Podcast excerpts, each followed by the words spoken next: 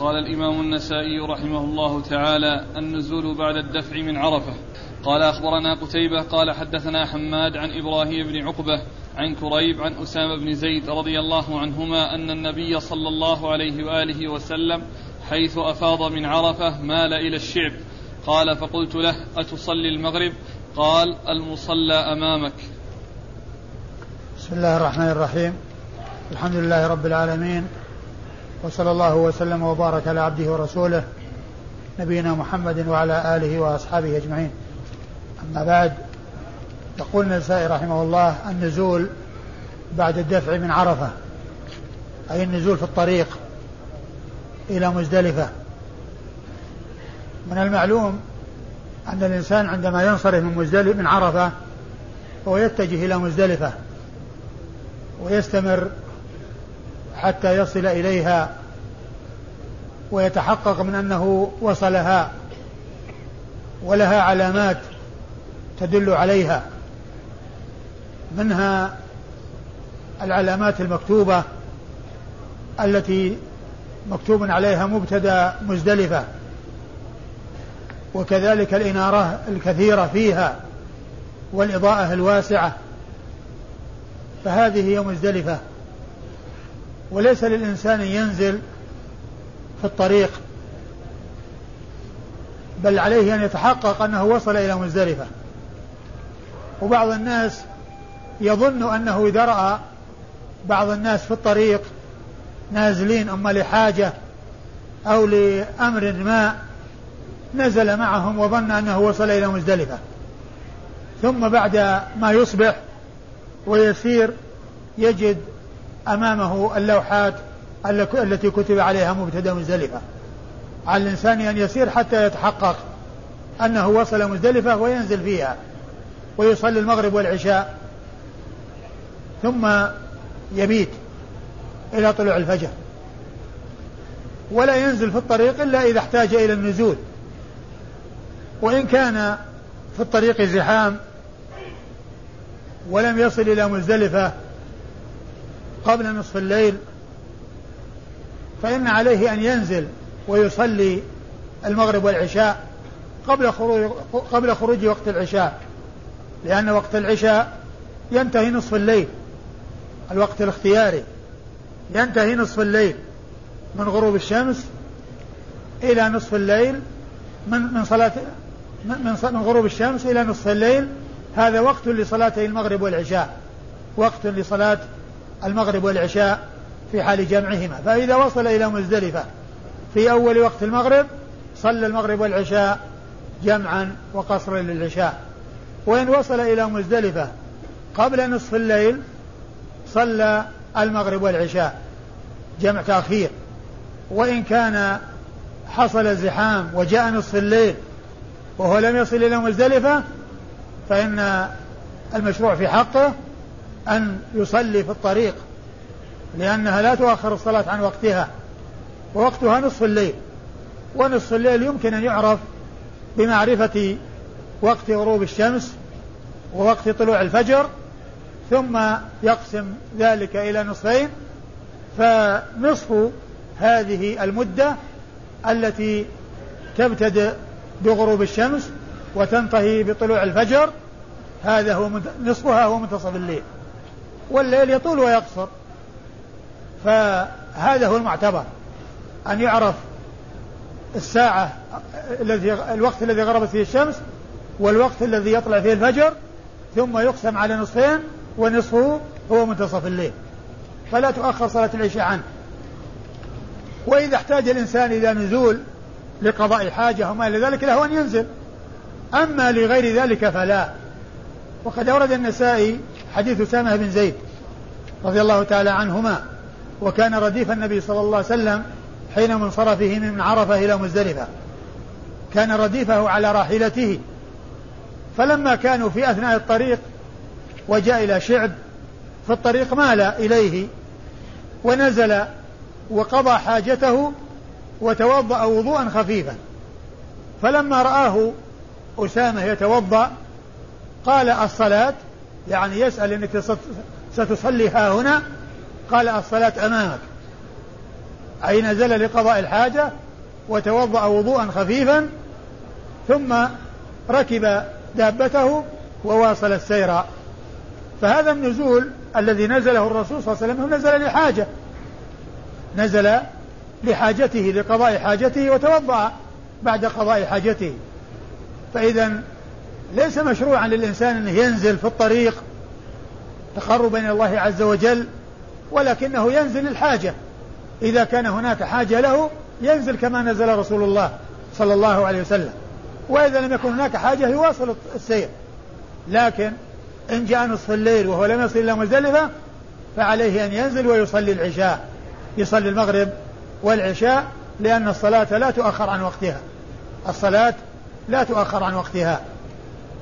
فأسامة بن زيد رضي الله عنه حكى آه الذي فعله رسول الله عليه الصلاة والسلام وكان يحكي ذلك عن علم ومشاهدة لأنه كان رديفه على راحلته كان رديف النبي صلى الله عليه وسلم على راحلته ولما رآه يتوضأ بعدما قضى الحاجة ظن أنه سيصلي.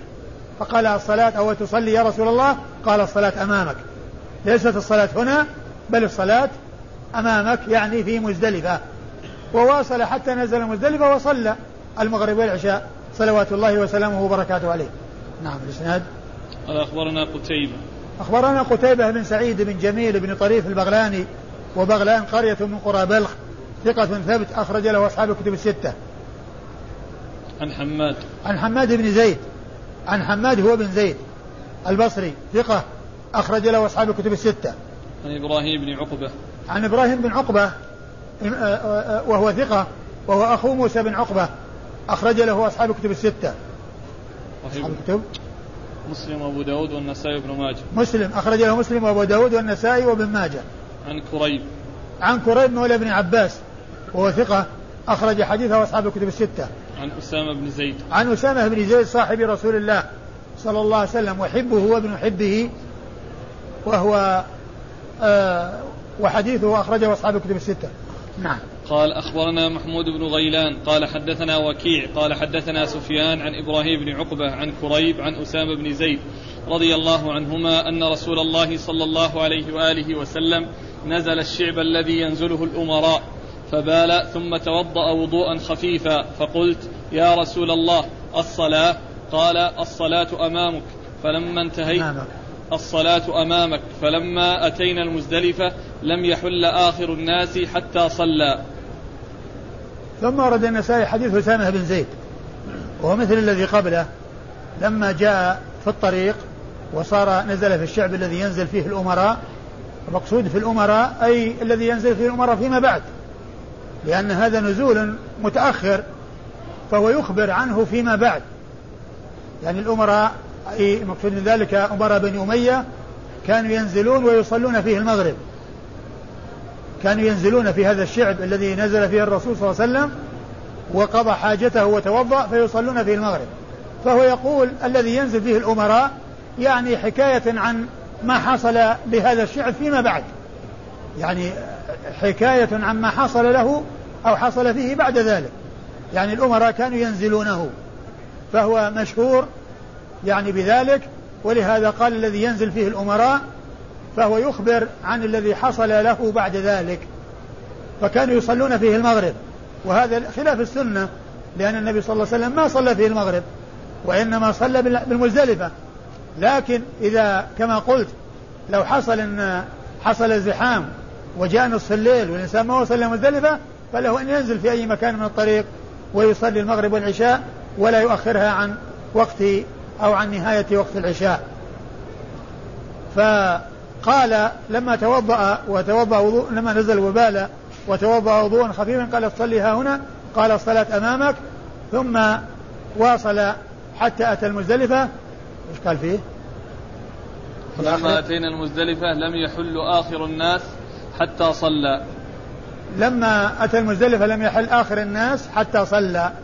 الرسول صلى الله عليه وسلم لما وصل إلى المزدلفة كما جاء مبينا في بعض الروايات التي ستأتي أنه أول ما نزل وصل وصل أذن وأقيم وصليت المغرب.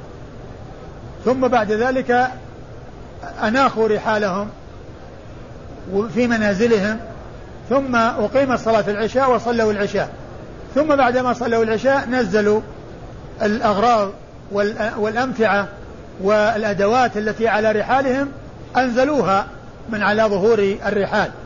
يعني معناه أنهم أولا صلوا ثم أناخوا الإبل في منازلهم كل أناخ إبله في مكانه وبعد أن صلوا العشاء حلوا أي آه أنزلوا المتاع الذي على الرحال.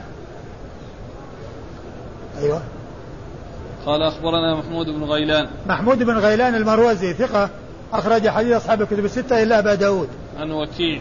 عن وكيع بن الجراح الرؤاسي الكوفي ثقة أخرج له أصحاب الكتب الستة عن سفيان عن سفيان بن سعيد الثوري ثقة فقيه وصف بأنه أمير المؤمنين في الحديث وحديثه أخرجه أصحاب الكتب الستة. عن إبراهيم بن عقبة عن كريب عن أسامة بن زيد. عن إبراهيم بن عقبة عن كريب عن أسامة بن زيد وقد مر ذكر هؤلاء الثلاثة. ما المراد وضوءا خفيفا؟ يعني معناه أنه توضأ وضوءا خفيفا يعني ما أسبغه. يعني معناه لم يسبغ الوضوء لأن الوضوء الذي يكون فيه إسباغ بحيث يتوضأ ثلاث مرات أو أو يتوضأ مرتين بحيث يأتي الماء على على سائر أعضاء الوضوء مرتين أو ثلاث هذا إسباغ. ولا يتجاوز الثلاث ولا يتجاوز الثلاث في الوضوء. وإذا كان مرة واحدة فهو الذي يقال له الوضوء الخفيف الذي يكون الماء فيه قليل ويكون استوعب جميع الأعضاء ولم يكرر. هنا من ناحية الضبط الصلاة أمامك أولا قال الصلاة الصلاة مبتدأ وخبر الصلاة أمامك. بس يقول بالرفع. لا بالرفع صلاته. وأما أمام فهي ظرف يعني حاصلة أمامك أو واقعة أمامك. يعني هي بالرفع اللي هو الصلاة مبتدأ وخبر. الصلاة هي المبتدأ وأمامك هي الخبر. قال الجمع بين الصلاتين بالمزدلفة. قال أخبرنا يحيى بن حبيب بن عربي عن حماد عن يحيى عن عدي بن ثابت عن عبد الله بن يزيد عن أبي أيوب رضي الله عنه أن رسول الله صلى الله عليه وآله وسلم جمع بين المغرب والعشاء بجمع. ثم أورد النسائي الجمع بين المغرب والعشاء بالمزدلفة. أي السنة؟ أن الإنسان يجمع بينهما. أي المغرب والعشاء. والجمع بين الظهر والعصر بعرفة. عرفة يجمع فيها بين الظهر والعصر في أول وقت الظهر. ومزدلفة يجمع فيها إذا وصل إلى مزدلفة. إن وصل إليها مبكرا جمع جمع تقديم وإن وصل إليها متأخرا جمع جمع تأخير.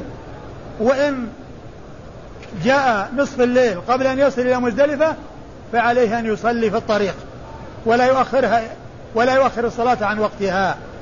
إذا النبي صلى الله عليه وسلم جمع بين المغرب والعشاء بالمزدلفة. قال أخبرنا يحيى بن حبيب بن عربي. أخبرنا يحيى بن حبيب بن عربي البصري ثقة أخرج حديثه مسلم وأصحاب السنن. مسلم وأصحاب السنن الأربعة. عن حماد. عن حماد بن زيد وقد مر ذكره. عن يحيى. عن يحيى بن سعيد الأنصاري ثقة أخرج حديث أصحاب الكتب الستة. عن عدي بن ثابت. عن عدي بن ثابت الأنصاري ثقة أخرج حديث أصحاب الكتب الستة. عن عبد الله بن يزيد. عن عبد الله بن يزيد وهو صحابي صغير. أخرج حديثه. أصحاب الكتب. أخرج حديث أصحاب الكتب الستة. عن أبي أيوب. عن أبي أيوب الأنصاري خالد بن زيد صاحب رسول الله صلى الله عليه وسلم وهو الذي نزل النبي صلى الله عليه وسلم في داره. أول ما قدم المدينة نزل ضيفا على أبي أيوب الأنصاري ونزل في داره وهو خالد بن زيد. وحديثه أخرجه أصحاب الكتب الستة. قال أخبرنا القاسم بن زكريا قال حدثنا مصعب بن المقدام عن داود عن الأعمش عن عمارة عن عبد الرحمن بن يزيد عن ابن مسعود رضي الله عنه أن النبي صلى الله عليه وآله وسلم جمع بين المغرب والعشاء بجمع. عن عن من؟ عن ابن مسعود. ثم ورد النسائي حديث مسعود وهو مثل حديث أبي أيوب. النبي صلى الله عليه وسلم جمع بين المغرب والعشاء بجمع أي بالمزدلفة. نعم. قال أخبرنا القاسم بن زكريا. أخبرنا القاسم بن زكريا بن دينار وهو ثقة أخرج حديثه مسلم. والترمذي والنسائي والترمذي والنسائي وابن ماجه. عن مصعب بن المقدام. عن مصعب بن المقدام وهو صدوق. أخرج حديثه نفس الذين أخرجوا لزكريا بن آه، القاسم بن زكريا. مسلم وأبو داود. مسلم والترمذي. مسلم والترمذي والنسائي وابن ماجه. صدوق له أوهام. صدوق له أوهام. عن داود. عن داود بن نصير الطوسي الطائي وهو ثقة أخرج حديثه مسلم والنسائي. نعم. داود بن نصير الطائي. نسائي وحده ها؟ نسائي وحده نسائي وحده لا في الترمذي ذكر الترمذي؟ أبو الأشبال بأن الترمذي علق له وأشار إلى تحفة الأحوذي. الترمذي. الترمذي والنسائي. أنت تقول مسلم والنسائي. لا لا الترمذي نعم. نعم الترمذي والنسائي. الترمذي والنسائي. شوف التقريب أبو الأشبال. لا يا شيخ ما أبو. ها؟ ما أبو شيء. داود بن نصير أبو سليمان الطائي الكوفي ثقة فقيه زاهد. النسائي وحده النسائي وحده إذا هو واحد سيأتي اللي هو الترمذي والنسائي. أخرج حديثه النسائي وحده عن الأعمش. عن الأعمش سليمان بن مهران الكاهلي ثقة أخرج حديث أصحاب الكتب الستة. عن عمارة. عن عمارة بن عمير ثقة أخرج حديث أصحاب الكتب الستة. عن عبد الرحمن بن يزيد. عن عبد الرحمن بن يزيد بن قيس النخعي الكوفي ثقة أخرج حديث أصحاب الكتب الستة. عن ابن مسعود. وهو أخو الأسود بن يزيد. وكل وهما جميعا وهما خال إبراهيم النخعي. وحديثه أخرجه أصحاب الكتب الستة. عن عبد الله بن مسعود صاحب رسول الله صلى الله عليه وسلم وحديثه أخرج أصحاب الكتب الستة.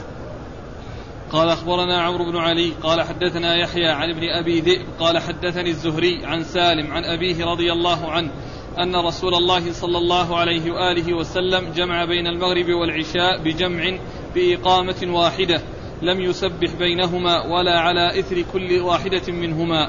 ثم ورد النسائي حديث ابن عمر أن النبي صلى الله عليه وسلم جمع بين المغرب والعشاء بإقامة واحدة لم يسبح بينهما ولا على إثر واحدة منهما أي لم يتنفل.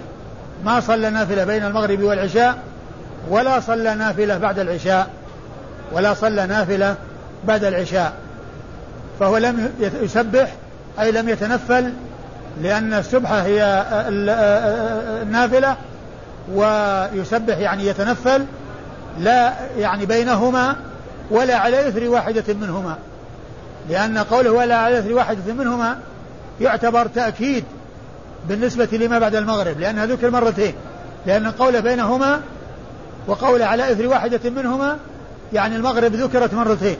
مرة في قوله بينهما ومرة على إثر واحدة منهما.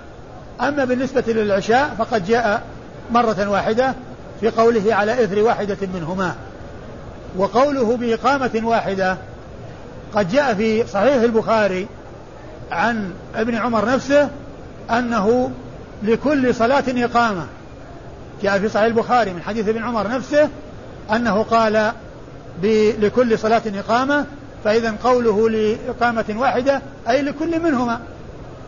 يعني يكون يعني معناه أي لكل واحد منهما وبذلك يتفق مع ما في صحيح البخاري. لأن في صحيح البخاري نص على إقامة أنه كل واحدة منهما بإقامة. كل واحدة منهما بإقامة أي بأذان واحد وإقامتين.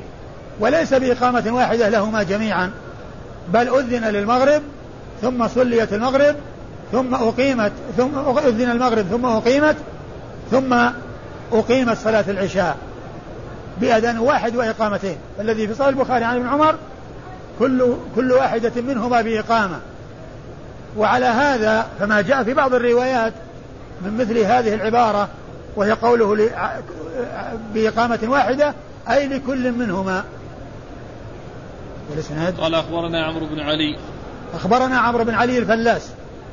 ثقة أخرج له أصحاب الكتب الستة بل هو شيخ لأصحاب الكتب الستة. عن يحيى. يحيى بن سعيد القطان ثقة أخرج له أصحاب الكتب الستة. عن ابن أبي ذئب. عن ابن أبي ذئب محمد بن عبد الرحمن بن المغيرة بن أبي ذئب. ثقة أخرج له أصحاب الكتب الستة. عن الزهري. عن الزهري محمد بن مسلم بن عبيد الله بن شهاب الزهري ثقة فقيه أخرج حديث أصحاب الكتب الستة. عن سالم. عن سالم بن عبد الله بن عمر بن الخطاب وهو ثقة فقيه وهو أحد فقهاء المدينة السبعة في عصر التابعين على أحد الأقوال الثلاثة في السابع منهم وحديثه أخرج أصحاب الكتب الستة. عن عبد الله بن عمر بن الخطاب رضي الله تعالى عنهما وهو أحد العبادلة الأربعة من أصحاب النبي صلى الله عليه وسلم وأحد السبعة المعروفين بكثرة الحديث عن النبي عليه الصلاة والسلام. قال أخبرنا عيسى بن إبراهيم قال حدثنا ابن وهب عن يونس عن ابن شهاب أن عبيد الله بن عمر أن عبيد الله بن عبد الله أخبره أن أباه رضي الله عنه قال جمع رسول الله صلى الله عليه وآله وسلم بين المغرب والعشاء ليس بينهما سجدة صلى المغرب ثلاث ركعات والعشاء ركعتين. وكان عبد الله بن عمر رضي الله عنهما يجمع كذلك حتى لحق بالله عز وجل. ثم ورد النسائي حديث ابن عمر من طريق أخرى وهو أن النبي صلى الله عليه وسلم جمع بين المغرب والعشاء ليس بينهما سجدة بالمزدلفة يعني ليس بينهما نافلة يعني ما تنفل بين المغرب والعشاء. هو بمعنى قوله لم يسبح بينهما التي مرت في الرواية السابقة. ليس بينهما سجدة ليس بينهما نافلة لم يتنفل ولم يصلي نافلة بينهما. و ليس بينهما سجدة وإيش؟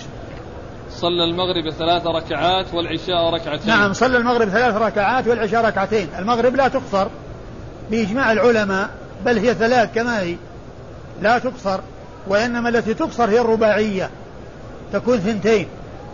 وأما المغرب فإنها على حالها دائما وأبدا ثلاث والفجر على حالها اثنتين. والرباعية الظهر والعصر والعشاء هاتان تقصران في السفر إلى ركعتين. يقول في آخره وكان عبد الله بن عمر ثم قال وكان ابن عمر ابن عمر رضي الله تعالى عنهما يجمع كذلك حتى لحق بالله عز وجل. يعني أنه كان يفعل هذا الفعل حتى مات رضي الله تعالى عنه وأرضاه. قال أخبرنا عيسى بن إبراهيم. عيسى بن إبراهيم بن مثرود المصري وهو ثقة أخرج حديثه أبو داود النسائي نعم. أبو داود والنسائي. عن ابن وهب. عن ابن وهب عبد الله بن وهب المصري ثقة فقيه أخرج حديث أصحاب الكتب الستة. عن يونس. عن يونس بن يزيد الأيلي ثم المصري ثقة أخرج له أصحاب الكتب الستة. عن ابن شهاب عن عبيد الله بن عبد الله.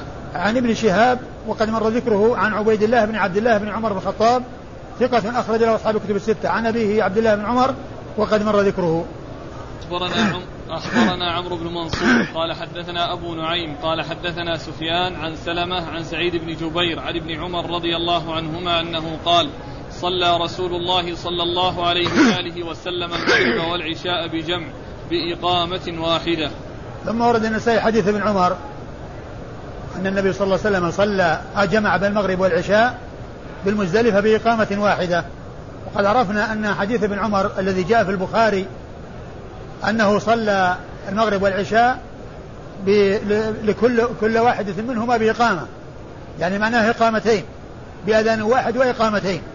فعلى هذا يحمل ما جاء في الروايات التي فيها ذكر الإقامة أي لكل منهما بإقامة واحدة لكل منهما. وبذلك يتفق مع ما جاء في صحيح البخاري. نعم. قال أخبرنا عمرو بن منصور. عمرو بن منصور النسائي. ثقة أخرج حديثه النسائي وحده. عن أبي نعيم. عن أبي نعيم الفضل بن دكين الكوفي. ثقة أخرج أصحاب الكتب الستة. عن سفيان. عن سفيان الثوري. سفيان الثوري وقد مر ذكره. وهذا الإسناد مثل الإسناد الذي مر بنا قريبا والذي فيه خطأ محمد بن منصور عن أبي نعيم عن سفيان. لأن لأن آه، آه، النسائي يعني يروي عن أبي نعيم بواسطة عمرو بواسطة عمرو بن منصور وهو الذي يأتي ذكره في مثل هذا الإسناد في مواضع متعددة. أما محمد بن منصور فلم يأتي يعني يروي عن أبي نعيم وإنما جاء يروي عن سفيان بن عيينة وعن غيره. عن سلمة. عن سلمة بن كهيل ثقة أخرج له أصحاب الكتب الستة.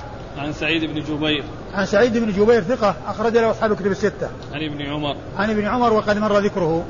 قال أخبرنا محمد بن حاتم قال أخبرنا حبان قال أخبرنا عبد الله عن إبراهيم بن عقبة أن كريبا قال سألت أسامة بن زيد رضي الله عنهما وكان ردف رسول الله صلى الله عليه وآله وسلم عشية عرفة فقلت كيف فعلتم؟ قال أقبلنا نسير حتى بلغنا المزدلفة فأناخ فصلى المغرب ثم بعث إلى القوم فأناخوا في منازلهم فلم يحلوا حتى صلى رسول الله صلى الله عليه وآله وسلم العشاء الآخرة ثم حل الناس فنزلوا فلما أصبحنا انطلقت على رجلي في سباق قريش وردف وردفه الفضل. ثم ورد النسائي حديث أسامة بن زيد أن النبي صلى الله عليه وسلم سار حتى وصلوا المزدلفة فصلى المغرب فأذن المغرب وأقيم أقيم الصلاة فصلى المغرب. ثم أمر الناس فأمر الناس فأناخوا رواحلهم في منازلهم ولكنهم لم ينزلوا ما عليها من الأمتعة بل جعلوها تبرك في المنازل وتركوها باركة والحمل عليها. ولم ثم جاءوا وصلوا العشاء. ثم بعد ذلك حلوا عن مراحلهم أي أنزلوا الأمتعة عنها. أنزلوا الأمتعة عنها. وهذا يدلنا على أن النبي صلى الله عليه وسلم جمع بينهما وأنه حصل هذا الفاصل بين بين ال المغرب والعشاء الذي هو إناخة الرواحل في المنازل و ثم بعد ذلك صلوا العشاء وبعد صلاة العشاء أنزلوا الأمتعة وفكوا ما عليها من الأمتعة بحيث يعني أنزلوها في الأرض وباتوا إلى أن أصبحوا ثم صلوا الفجر ووقفوا يدعون وقبل الإسفار جدا انطلقوا إلى منى من مزدلفة. وقد رخص النبي صلى الله عليه وسلم للضعفة من أهله بأن ينصرفوا آخر الليل. وكان ردفه وكان الذي آه، آه، آه، ردف للنبي صلى الله عليه وسلم في من مزدلفة من عرفة إلى مزدلفة أسامة بن زيد. وأخبر أسامة بن زيد أنه انتهى إردافه إياه في في مزدلفة. وأن الفضل هو الذي يعني ردف مع النبي صلى الله عليه وسلم من مزدلفة إلى منى وأنه ذهب على رجله في سباق قريش من الذين يمشون على أرجلهم. نعم. قال أخبرنا محمد بن حاتم. أخبرنا محمد بن حاتم بن نعيم المروزي ثقة أخرج حديثه النسائي وحده. عن حبان بن موسى المروزي ثقة أخرج حديثه مسلم. البخاري ومسلم والترمذي. البخاري ومسلم والترمذي والنسائي؟ نعم. البخاري ومسلم والترمذي والنسائي. عن عبد, عن عبد الله وهو ابن المبارك المروزي. ثقة أخرج له أصحاب الكتب الستة. عن إبراهيم بن عقبة عن كريب عن أسامة بن زيد. عن إبراهيم بن عقبة عن كريب عن أسامة بن زيد وقد مر ذكرهم. ذكر في آخره وردفه الفضل. وردفه الفضل أي من مزدلفة إلى إلى منى لأنه كان اللي هو أسامة بن زيد مرا كان ردف النبي صلى الله عليه وسلم من عرفة إلى مزدلفة. ثم ذهب على رجليه من مزدلفة إلى منى وأردف الفضل من مزدلفة إلى إلى منى. ذكرتم أنه لا سبحة بعد العشاء فما حكم الوتر ليلة العيد؟ نعم الوتر الإنسان هذا يعني الذي نفي هو التنفل لكن صلاة الليل لم تنفى فالإنسان يمكن أن يصلي صلاة الليل ويوتر في آخرها. يعني الذي نفي هو الرواتب التي تكون بعد الصلاة. لأن النبي صلى الله عليه وسلم ما كان يحافظ على شيء من الرواتب إلا على ركعتي الفجر الرواتب المتعلقة بالصلوات. أما صلاة الوتر فهي من صلاة الليل وهي لا تعرض لها في يعني ما يتعلق بالصلاة. فالإنسان له أن يصلي يعني الوتر ولا يترك الوتر لأن النبي صلى الله عليه وسلم ما كان يترك الوتر ولا ركعتي الفجر لا في حضر ولا في سفر. قال تقديم النساء والصبيان إلى منازلهم بمزدلفة. الترجمة تقديم النساء والصبيان من إلى إلى منى من من مزدلفة. إلى منى من مزدلفة. هذه هي العبارة الصحيحة التي تأتي جاءت في بعض النسخ لسنن النساء المجتبى وهي الموجودة في السنن الكبرى. تقديم النساء والصبيان إلى إلى منى من مزدلفة. أما قوله إلى منازلهم من مزدلفة إلى منازلهم من مزدلفة هذا ما يستقيم. اللهم إلا إذا كان يحتاج إلى تقدير منازلهم في منى لكن هنا بالمزدلفة. هنا بالمزدلفة مش من مزدلفة. بمزدلفة. بمزدلفة هذا ما يستقيم. لأن منازلهم هم نازلين مزدلفة هم نازلون في مزدلفة الآن. يعني في الوقت الذي كانوا يعني يقدمون هم نازلين مزدلفة لكن المقصود كما جاء في إحدى النسخ وهو المطابق لما في السنة الكبرى تقديم الصبيان والنساء إلى منى من مزدلفة. يعني تقديمهم من مزدلفة إلى منى. يتقدم في آخر الليل من مزدلفة إلى منى وغيرهم يبقون إلى بعد صلاة الفجر. هذه الترجمة الصحيحة المعنى والمطابقة لما في السنن الكبرى وهي الموجودة في إحدى نسخ السنن الصغرى أيوة. قال أخبرنا الحسين بن حريث قال أخبرنا سفيان عن عبيد الله بن أبي يزيد قال سمعت ابن عباس رضي الله عنهما يقول أنا ممن قدم النبي صلى الله عليه وآله وسلم ليلة المزدلفة في ضعفة أهله ثم ورد النسائي حديث ابن عباس أنه قال أنا ممن قدم النبي أنا ممن قدم النبي صلى الله عليه وسلم في ضعفة أهله. يخبر رضي الله تعالى عنه أنه كان ممن قدم في الضعفة وكان من الصبيان. وقد ناهز الاحتلام كما جاء في بعض الأحاديث عن ابن عباس أنه كان النبي صلى الله عليه وسلم يصلي في منى وكان على حمار أتان قال وكنت قد نهزت الاحتلام. يعني معناه أنه قارب الولوغ. فالنبي صلى الله عليه وسلم قدم النساء والصبيان وهو من الصبيان لأنه على وشك البلوغ ولم يبلغ.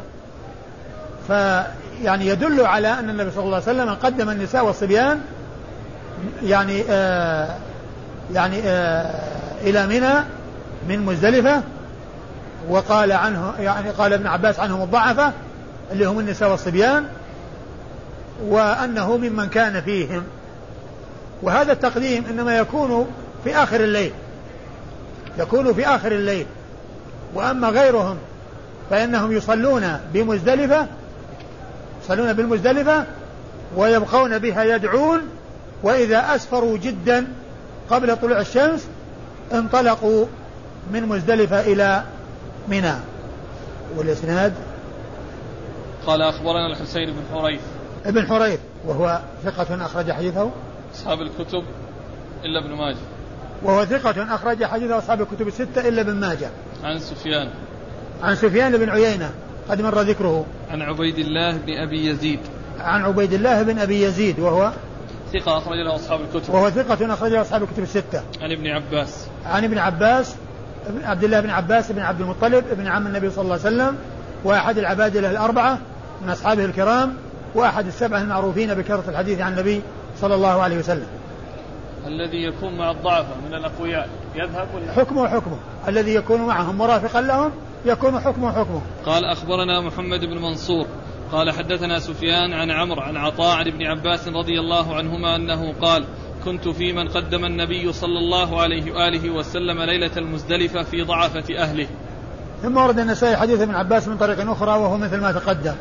وأما إسناد الحديث أخبرنا محمد بن منصور. محمد بن منصور الجواز المكي ثقة أخرج حديث النسائي وحده. عن سفيان بن عيينة وقد مر ذكره. عن عمرو. عن عمرو بن دينار المكي ثقة أخرج له أصحاب الكتب الستة. عن عطاء. عن عطاء بن أبي رباح ثقة المكي ثقة أخرج له أصحاب الكتب الستة. عن ابن عباس. عن ابن عباس وقد مر ذكره. قال أخبرنا أبو داود قال حدثنا أبو عاصم وعفان وسليمان عن شعبة عن عن مشاش عن عطاء عن ابن عباس عن الفضل رضي الله عنهم. أن النبي صلى الله عليه وآله وسلم أمر ضعفة بني هاشم أن ينفروا من جمع بليل.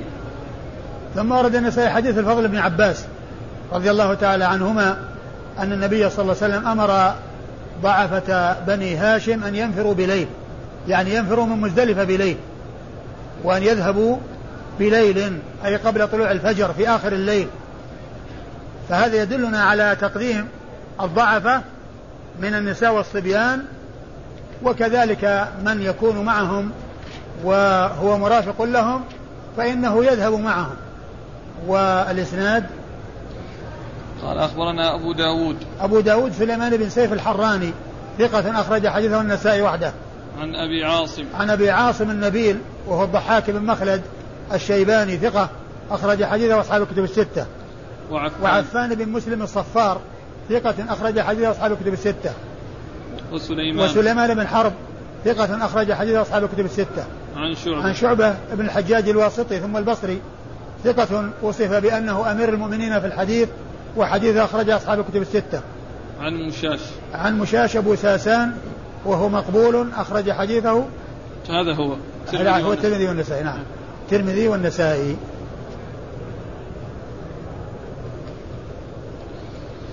عن عطاء عن ابن عباس عن الفضل. عن عطاء عن ابن عباس وقد مر ذكرهما عن الفضل بن عباس وهو أخ وهو الأخ الأكبر لعبد الله بن عباس وهو أكبر أولاد العباس وبه يكنى العباس كما أن زوجته لبابة بنت الحارث الهلالية أخت ميمونة أم المؤمنين تكنى بأم الفضل. فالفضل هذا هو أكبر أولاد العباس وحديثه أخرجه أصحاب كتب الستة. قال أخبرنا عمرو بن علي قال حدثنا يحيى قال حدثنا ابن جريج قال حدثنا عطاء عن سالم بن شوال عن أن أم حبيبة رضي الله عنها أخبرته أن النبي صلى الله عليه وآله وسلم أمرها أن تغلس من جمع إلى منى. ثم ورد النسائي حديث أم حبيبة أم المؤمنين رضي الله عنها وأرضاها بنت أبي سفيان أن النبي صلى الله عليه وسلم أمرها أن تغلس أن تغلس من جمع إلى منى. أن تغلس من جمع إلى منى يعني تذهب في الغلس يعني في الظلام يعني في الليل قبل طلوع الفجر. وهذا هو المقصود من تقديم النبي صلى الله عليه وسلم ضعفة أهله وتقديم النساء والصبيان. فهي تخبر بأنها بأن النبي صلى الله عليه وسلم أمرها بأن تغلس من مزدلفة من من جمع إلى منى أي تذهب في الليل يعني في آخر الليل. والإسناد؟ قال أخبرنا عمرو بن علي. عمرو بن علي عن عن يحيى عن ابن جريج عن يحيى عمرو بن علي عن يحيى القطان مر ذكرهما عن ابن جريج عبد الملك بن عبد العزيز بن جريج المكي ثقة فقيه يرسل ويدلس وحديثه أخرجه أصحاب الكتب الستة. عن عطاء عن سالم بن شوال. عن عطاء وقد مر ذكره عن سالم بن شوال وهو ثقة أخرجه مسلم والنسائي. نعم. وهو ثقة أخرج حديثه مسلم والنسائي. عن أم حبيبة. عن أم حبيبة أم المؤمنين رضي الله تعالى عنها وأرضاها وحديثها أخرجه أصحاب الكتب الستة. قال أخبرنا عبد الجبار بن, ع... بن العلاء عن سفيان عن عمرو عن سالم بن شوال عن أم حبيبة رضي الله عنها أنها قالت كنا نغلس على عهد رسول الله صلى الله عليه وآله وسلم من المزدلفة إلى منى ثم أخبر ثم أورد حديث أم حبيبة من طريق أخرى وهو مثل ما تقدم كنا نغلس والمقصود منها أنها هي ومن كان مثلها والإسناد؟ قال أخبرنا عبد الجبار بن العلاء. أخبرنا عبد الجبار بن العلاء وهو ثقة. لا بأس به. وهو لا بأس به تعادل ثقة لا بأس به. وهي تعادل ثقة تعادل صدوق وحديثه؟ أخرج له مسلم والترمذي والنسائي. أخرج حديثه مسلم والترمذي والنسائي. عن سفيان عن عمرو عن سالم بن شوال عن أم حبيبة. وهؤلاء مر ذكرهم. الذين يخرجون من مزدلفة في آخر الليل يرمون قبل طلوع الفجر؟ نعم لهم أن يرموا نعم. من نزل له أن يرمي. حتى الأقوياء الذين ذهبوا معهم؟ نعم الذين كانوا معهم لهم أن يرموا معهم. قال الرخصة للنساء في الإفاضة من جمع قبل الصبح. قال أخبرنا يعقوب بن إبراهيم قال حدثنا هشيم قال أخبرنا منصور عن عبد الرحمن بن القاسم عن القاسم عن عائشة رضي الله عنها أنها قالت إنما أذن النبي صلى الله عليه وآله وسلم لسودة في الإفاضة قبل الصبح من جمع لأنها كانت امرأة ثبطة. ثم ورد النسائي الرخصة للنساء في الإفاضة من جمع قبل الصبح. الرخصة للنساء بالإفاضة من جمع قبل الصبح. يعني الذهاب يعني آه، الذهاب قبل الصبح قبل طلوع الفجر يعني في آخر الليل. وورد حديث عائشة رضي الله تعالى عنها أن النبي صلى الله عليه وسلم إنما أذن لسودة بنت زمعة لأنها كانت ثابطة أي أنها ثقيلة. نعم. قال أخبرنا يعقوب بن إبراهيم. يعقوب بن إبراهيم الدورقي ثقة أخرج حديث أصحاب الكتب الستة. عن هشيم. عن هشيم بن بشير الواسطي ثقة كثير التدليس والإرسال الخفي وحديث أخرج أصحاب الكتب الستة. عن منصور. عن منصور بن زادان وهو ثقة أخرج حديثه أصحاب الكتب. أخرج حديث أصحاب الكتب الستة. عن عبد الرحمن بن القاسم. عن عبد الرحمن بن القاسم ابن محمد بن أبي بكر الصديق وهو ثقة أخرج حديث أصحاب الكتب الستة. عن القاسم. عن أبيه القاسم بن محمد وهو ثقة فقيه من فقهاء المدينة في عصر التابعين وحديث أخرج أصحاب الكتب الستة. عن أم المؤمنين عائشة الصديقة بنت الصديق رضي الله تعالى عنها وأرضاها وهي واحدة من سبعة أشخاص آه، عرفوا بكثرة الحديث عن النبي. صلى الله عليه وسلم. قال الوقت الذي يص... الوقت الذي يصلى فيه الصبح بالمزدلفة أو يصلي. يمكن. هذا وهذا. قال أخبرنا محمد بن العلاء قال حدثنا أبو معاوية عن الأعمش عن عمارة عن عبد الرحمن بن يزيد عن عبد الله رضي الله عنه أنه قال ما رأيت رسول الله صلى الله عليه وآله وسلم صلى صلاة قط إلا لميقاتها إلا صلاة المغرب والعشاء صلاهما بجمع وصلاة الفجر يومئذ قبل ميقاتها. ثم ورد النسائي آه، الوقت الذي يصلي فيه أو يصلى فيه آه، الصبح بالمزدلفة. الذي؟ يصلي فيه الذي يصلي فيه الصبح بالمزدلفة. بالمزدلفة. يعني الوقت الذي تصلى فيه الصبح بالمزدلفة يعني ما هو الوقت؟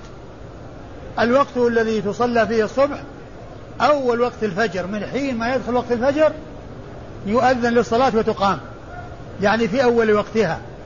هذا هو المقصود بكونه آه، صلاها رسول الله صلى الله عليه وسلم. وقد أورد النسائي حديث ابن آه، ابن مسعود رضي الله تعالى عنه أن النبي صلى الله عليه وسلم كان ما يقول ما رأيت رسول الله صلى الله عليه وآله وسلم صلى صلاة قط إلا لميقاتها إلا صلاة المغرب والعشاء صلاهما بجمع. وصلاة الفجر يومئذ قبل ميقاتها. آه إلا ما رأيت الرسول صلى صلاة لوقتها إلا آه ما رأيت الرسول صلى صلاة قط إلا لميقاتها. ما رأيت الرسول صلى صلاة قط إلا لميقاتها إلا المغرب والعشاء بجمع صلاهما صلاهما بجمع. صلاهما بجمع وإلا وصلاة الفجر يومئذ قبل ميقاتها. وصلاة الفجر يومئذ قبل ميقاتها. وقد مر في الحديث عن مسعود نفسه أنه ما كان يصلي صلاة إلا لميقاتها إلا إلا إلا في عرفة ومزدلفة. يعني جمع بين الصلاتين الظهر والعصر وكذلك المغرب والعشاء في المزدلفة. وهنا زاد ذكر الفجر. والمقصود من ذلك أنه في الحج أن النبي صلى الله عليه وسلم كان لا يجمع بين الصلوات بل يصلي كل صلاة في وقتها إلا. إلا في عرفة ومزدلفة فقد جمع بين الصلاتين. وإلا الفجر ليلة مزدلفة فإنه صلاها قبل ميقاتها المقصود صلاها قبل ميقاتها المعتاد الذي كانت تؤخر بعد الأذان ويكون هناك وقت بعد الأذان ليجتمع فيه الناس. وليس المقصود أنه صلاها قبل طلوع الفجر بل صلاها بعد طلوع الفجر وبعدما أذن للصلاة بعد دخول الفجر لكنه ما مضى وقت بعد الأذان كالمع... مثل ما هو معتاد بأنه, بأنه يكون هناك مقدار. يعني قراءة خمسين آية مثل ما مر بنا في الحديث. قال تصحن مع رسول ثم قام إلى الصلاة. قال كم كان بين الأذان والسحور؟ قال قدر خمسين آية. بين الأذان والإقامة مقدار قراءة خمسين آية حتى يتجمع الناس. المقصود أنه صلى صلاة الفجر قبل ميقاتها أي الوقت المعتاد الذي يكون بعد دخول الوقت. بمدة حتى يتجمع الناس. بل من حين ما دخل الوقت صلاها في أول وقتها مباشرة وبدون أن يمضي وقت وهم ينتظرون الصلاة. ما في انتظار أذان وإقامة وصلاة. وليس المقصود أنه صلاها قبل ميقاتها قبل طلوع الفجر وأن الناس يصلونها بالليل. هذا لا يجوز بل, لا بل الصلاة لا لا تصح إلا في وقتها. والصلاة بين الوقتين. يعني كما جاء تعليم جبريل للرسول صلى الله عليه وسلم جاء إليه يوم يومين مرة صلى في أول وقت في كل صلاة ومرة صلى في آخر الوقت في كل صلاة ثم قال الصلاة بين هذين الوقتين. وعلى هذا فالمعنى الذي جاء المعنى الحديث حديث مسعود أنه يعني صلى صلاة الفجر قبل ميقاتها أي الميقات المعتاد. الذي يمضي فيه وقت بين الأذان والإقامة. هنا ما في وقت بين الأذان والإقامة. بعد الأذان الإقامة والصلاة. هذا هو معنى الحديث. فلا يفهم منه أن الناس يصلون قبل الفجر فكل صلاة إنما تصلى في وقتها. وإذا قبل ميقاتها أي الميقات المعتاد الذي يكون هناك وقت بين الأذان والإقامة. في صلاة الفجر يوم مزدل... في ليلة المزدلفة ما في وقت بين الأذان والإقامة. أذان وإقامة وصلاة و والإسناد؟ قال أخبرنا محمد بن العلاء. أخبرنا محمد بن العلاء أبو كريب ثقة أخرج له أصحاب الكتب الستة. عن أبي معاوية. عن أبي معاوية محمد بن خازم الضرير الكوفي ثقة أخرج له أصحاب الكتب الستة. عن الأعمش. عن الأعمش وقد مر ذكره. عن عمارة عن عبد الرحمن بن يزيد. عن, عن عمارة عن عبد الرحمن بن يزيد عن مسعود وقد مر ذكرهم والله تعالى أعلم وصلى الله وسلم وبارك على عبده ورسوله نبينا محمد وعلى آله وأصحابه أجمعين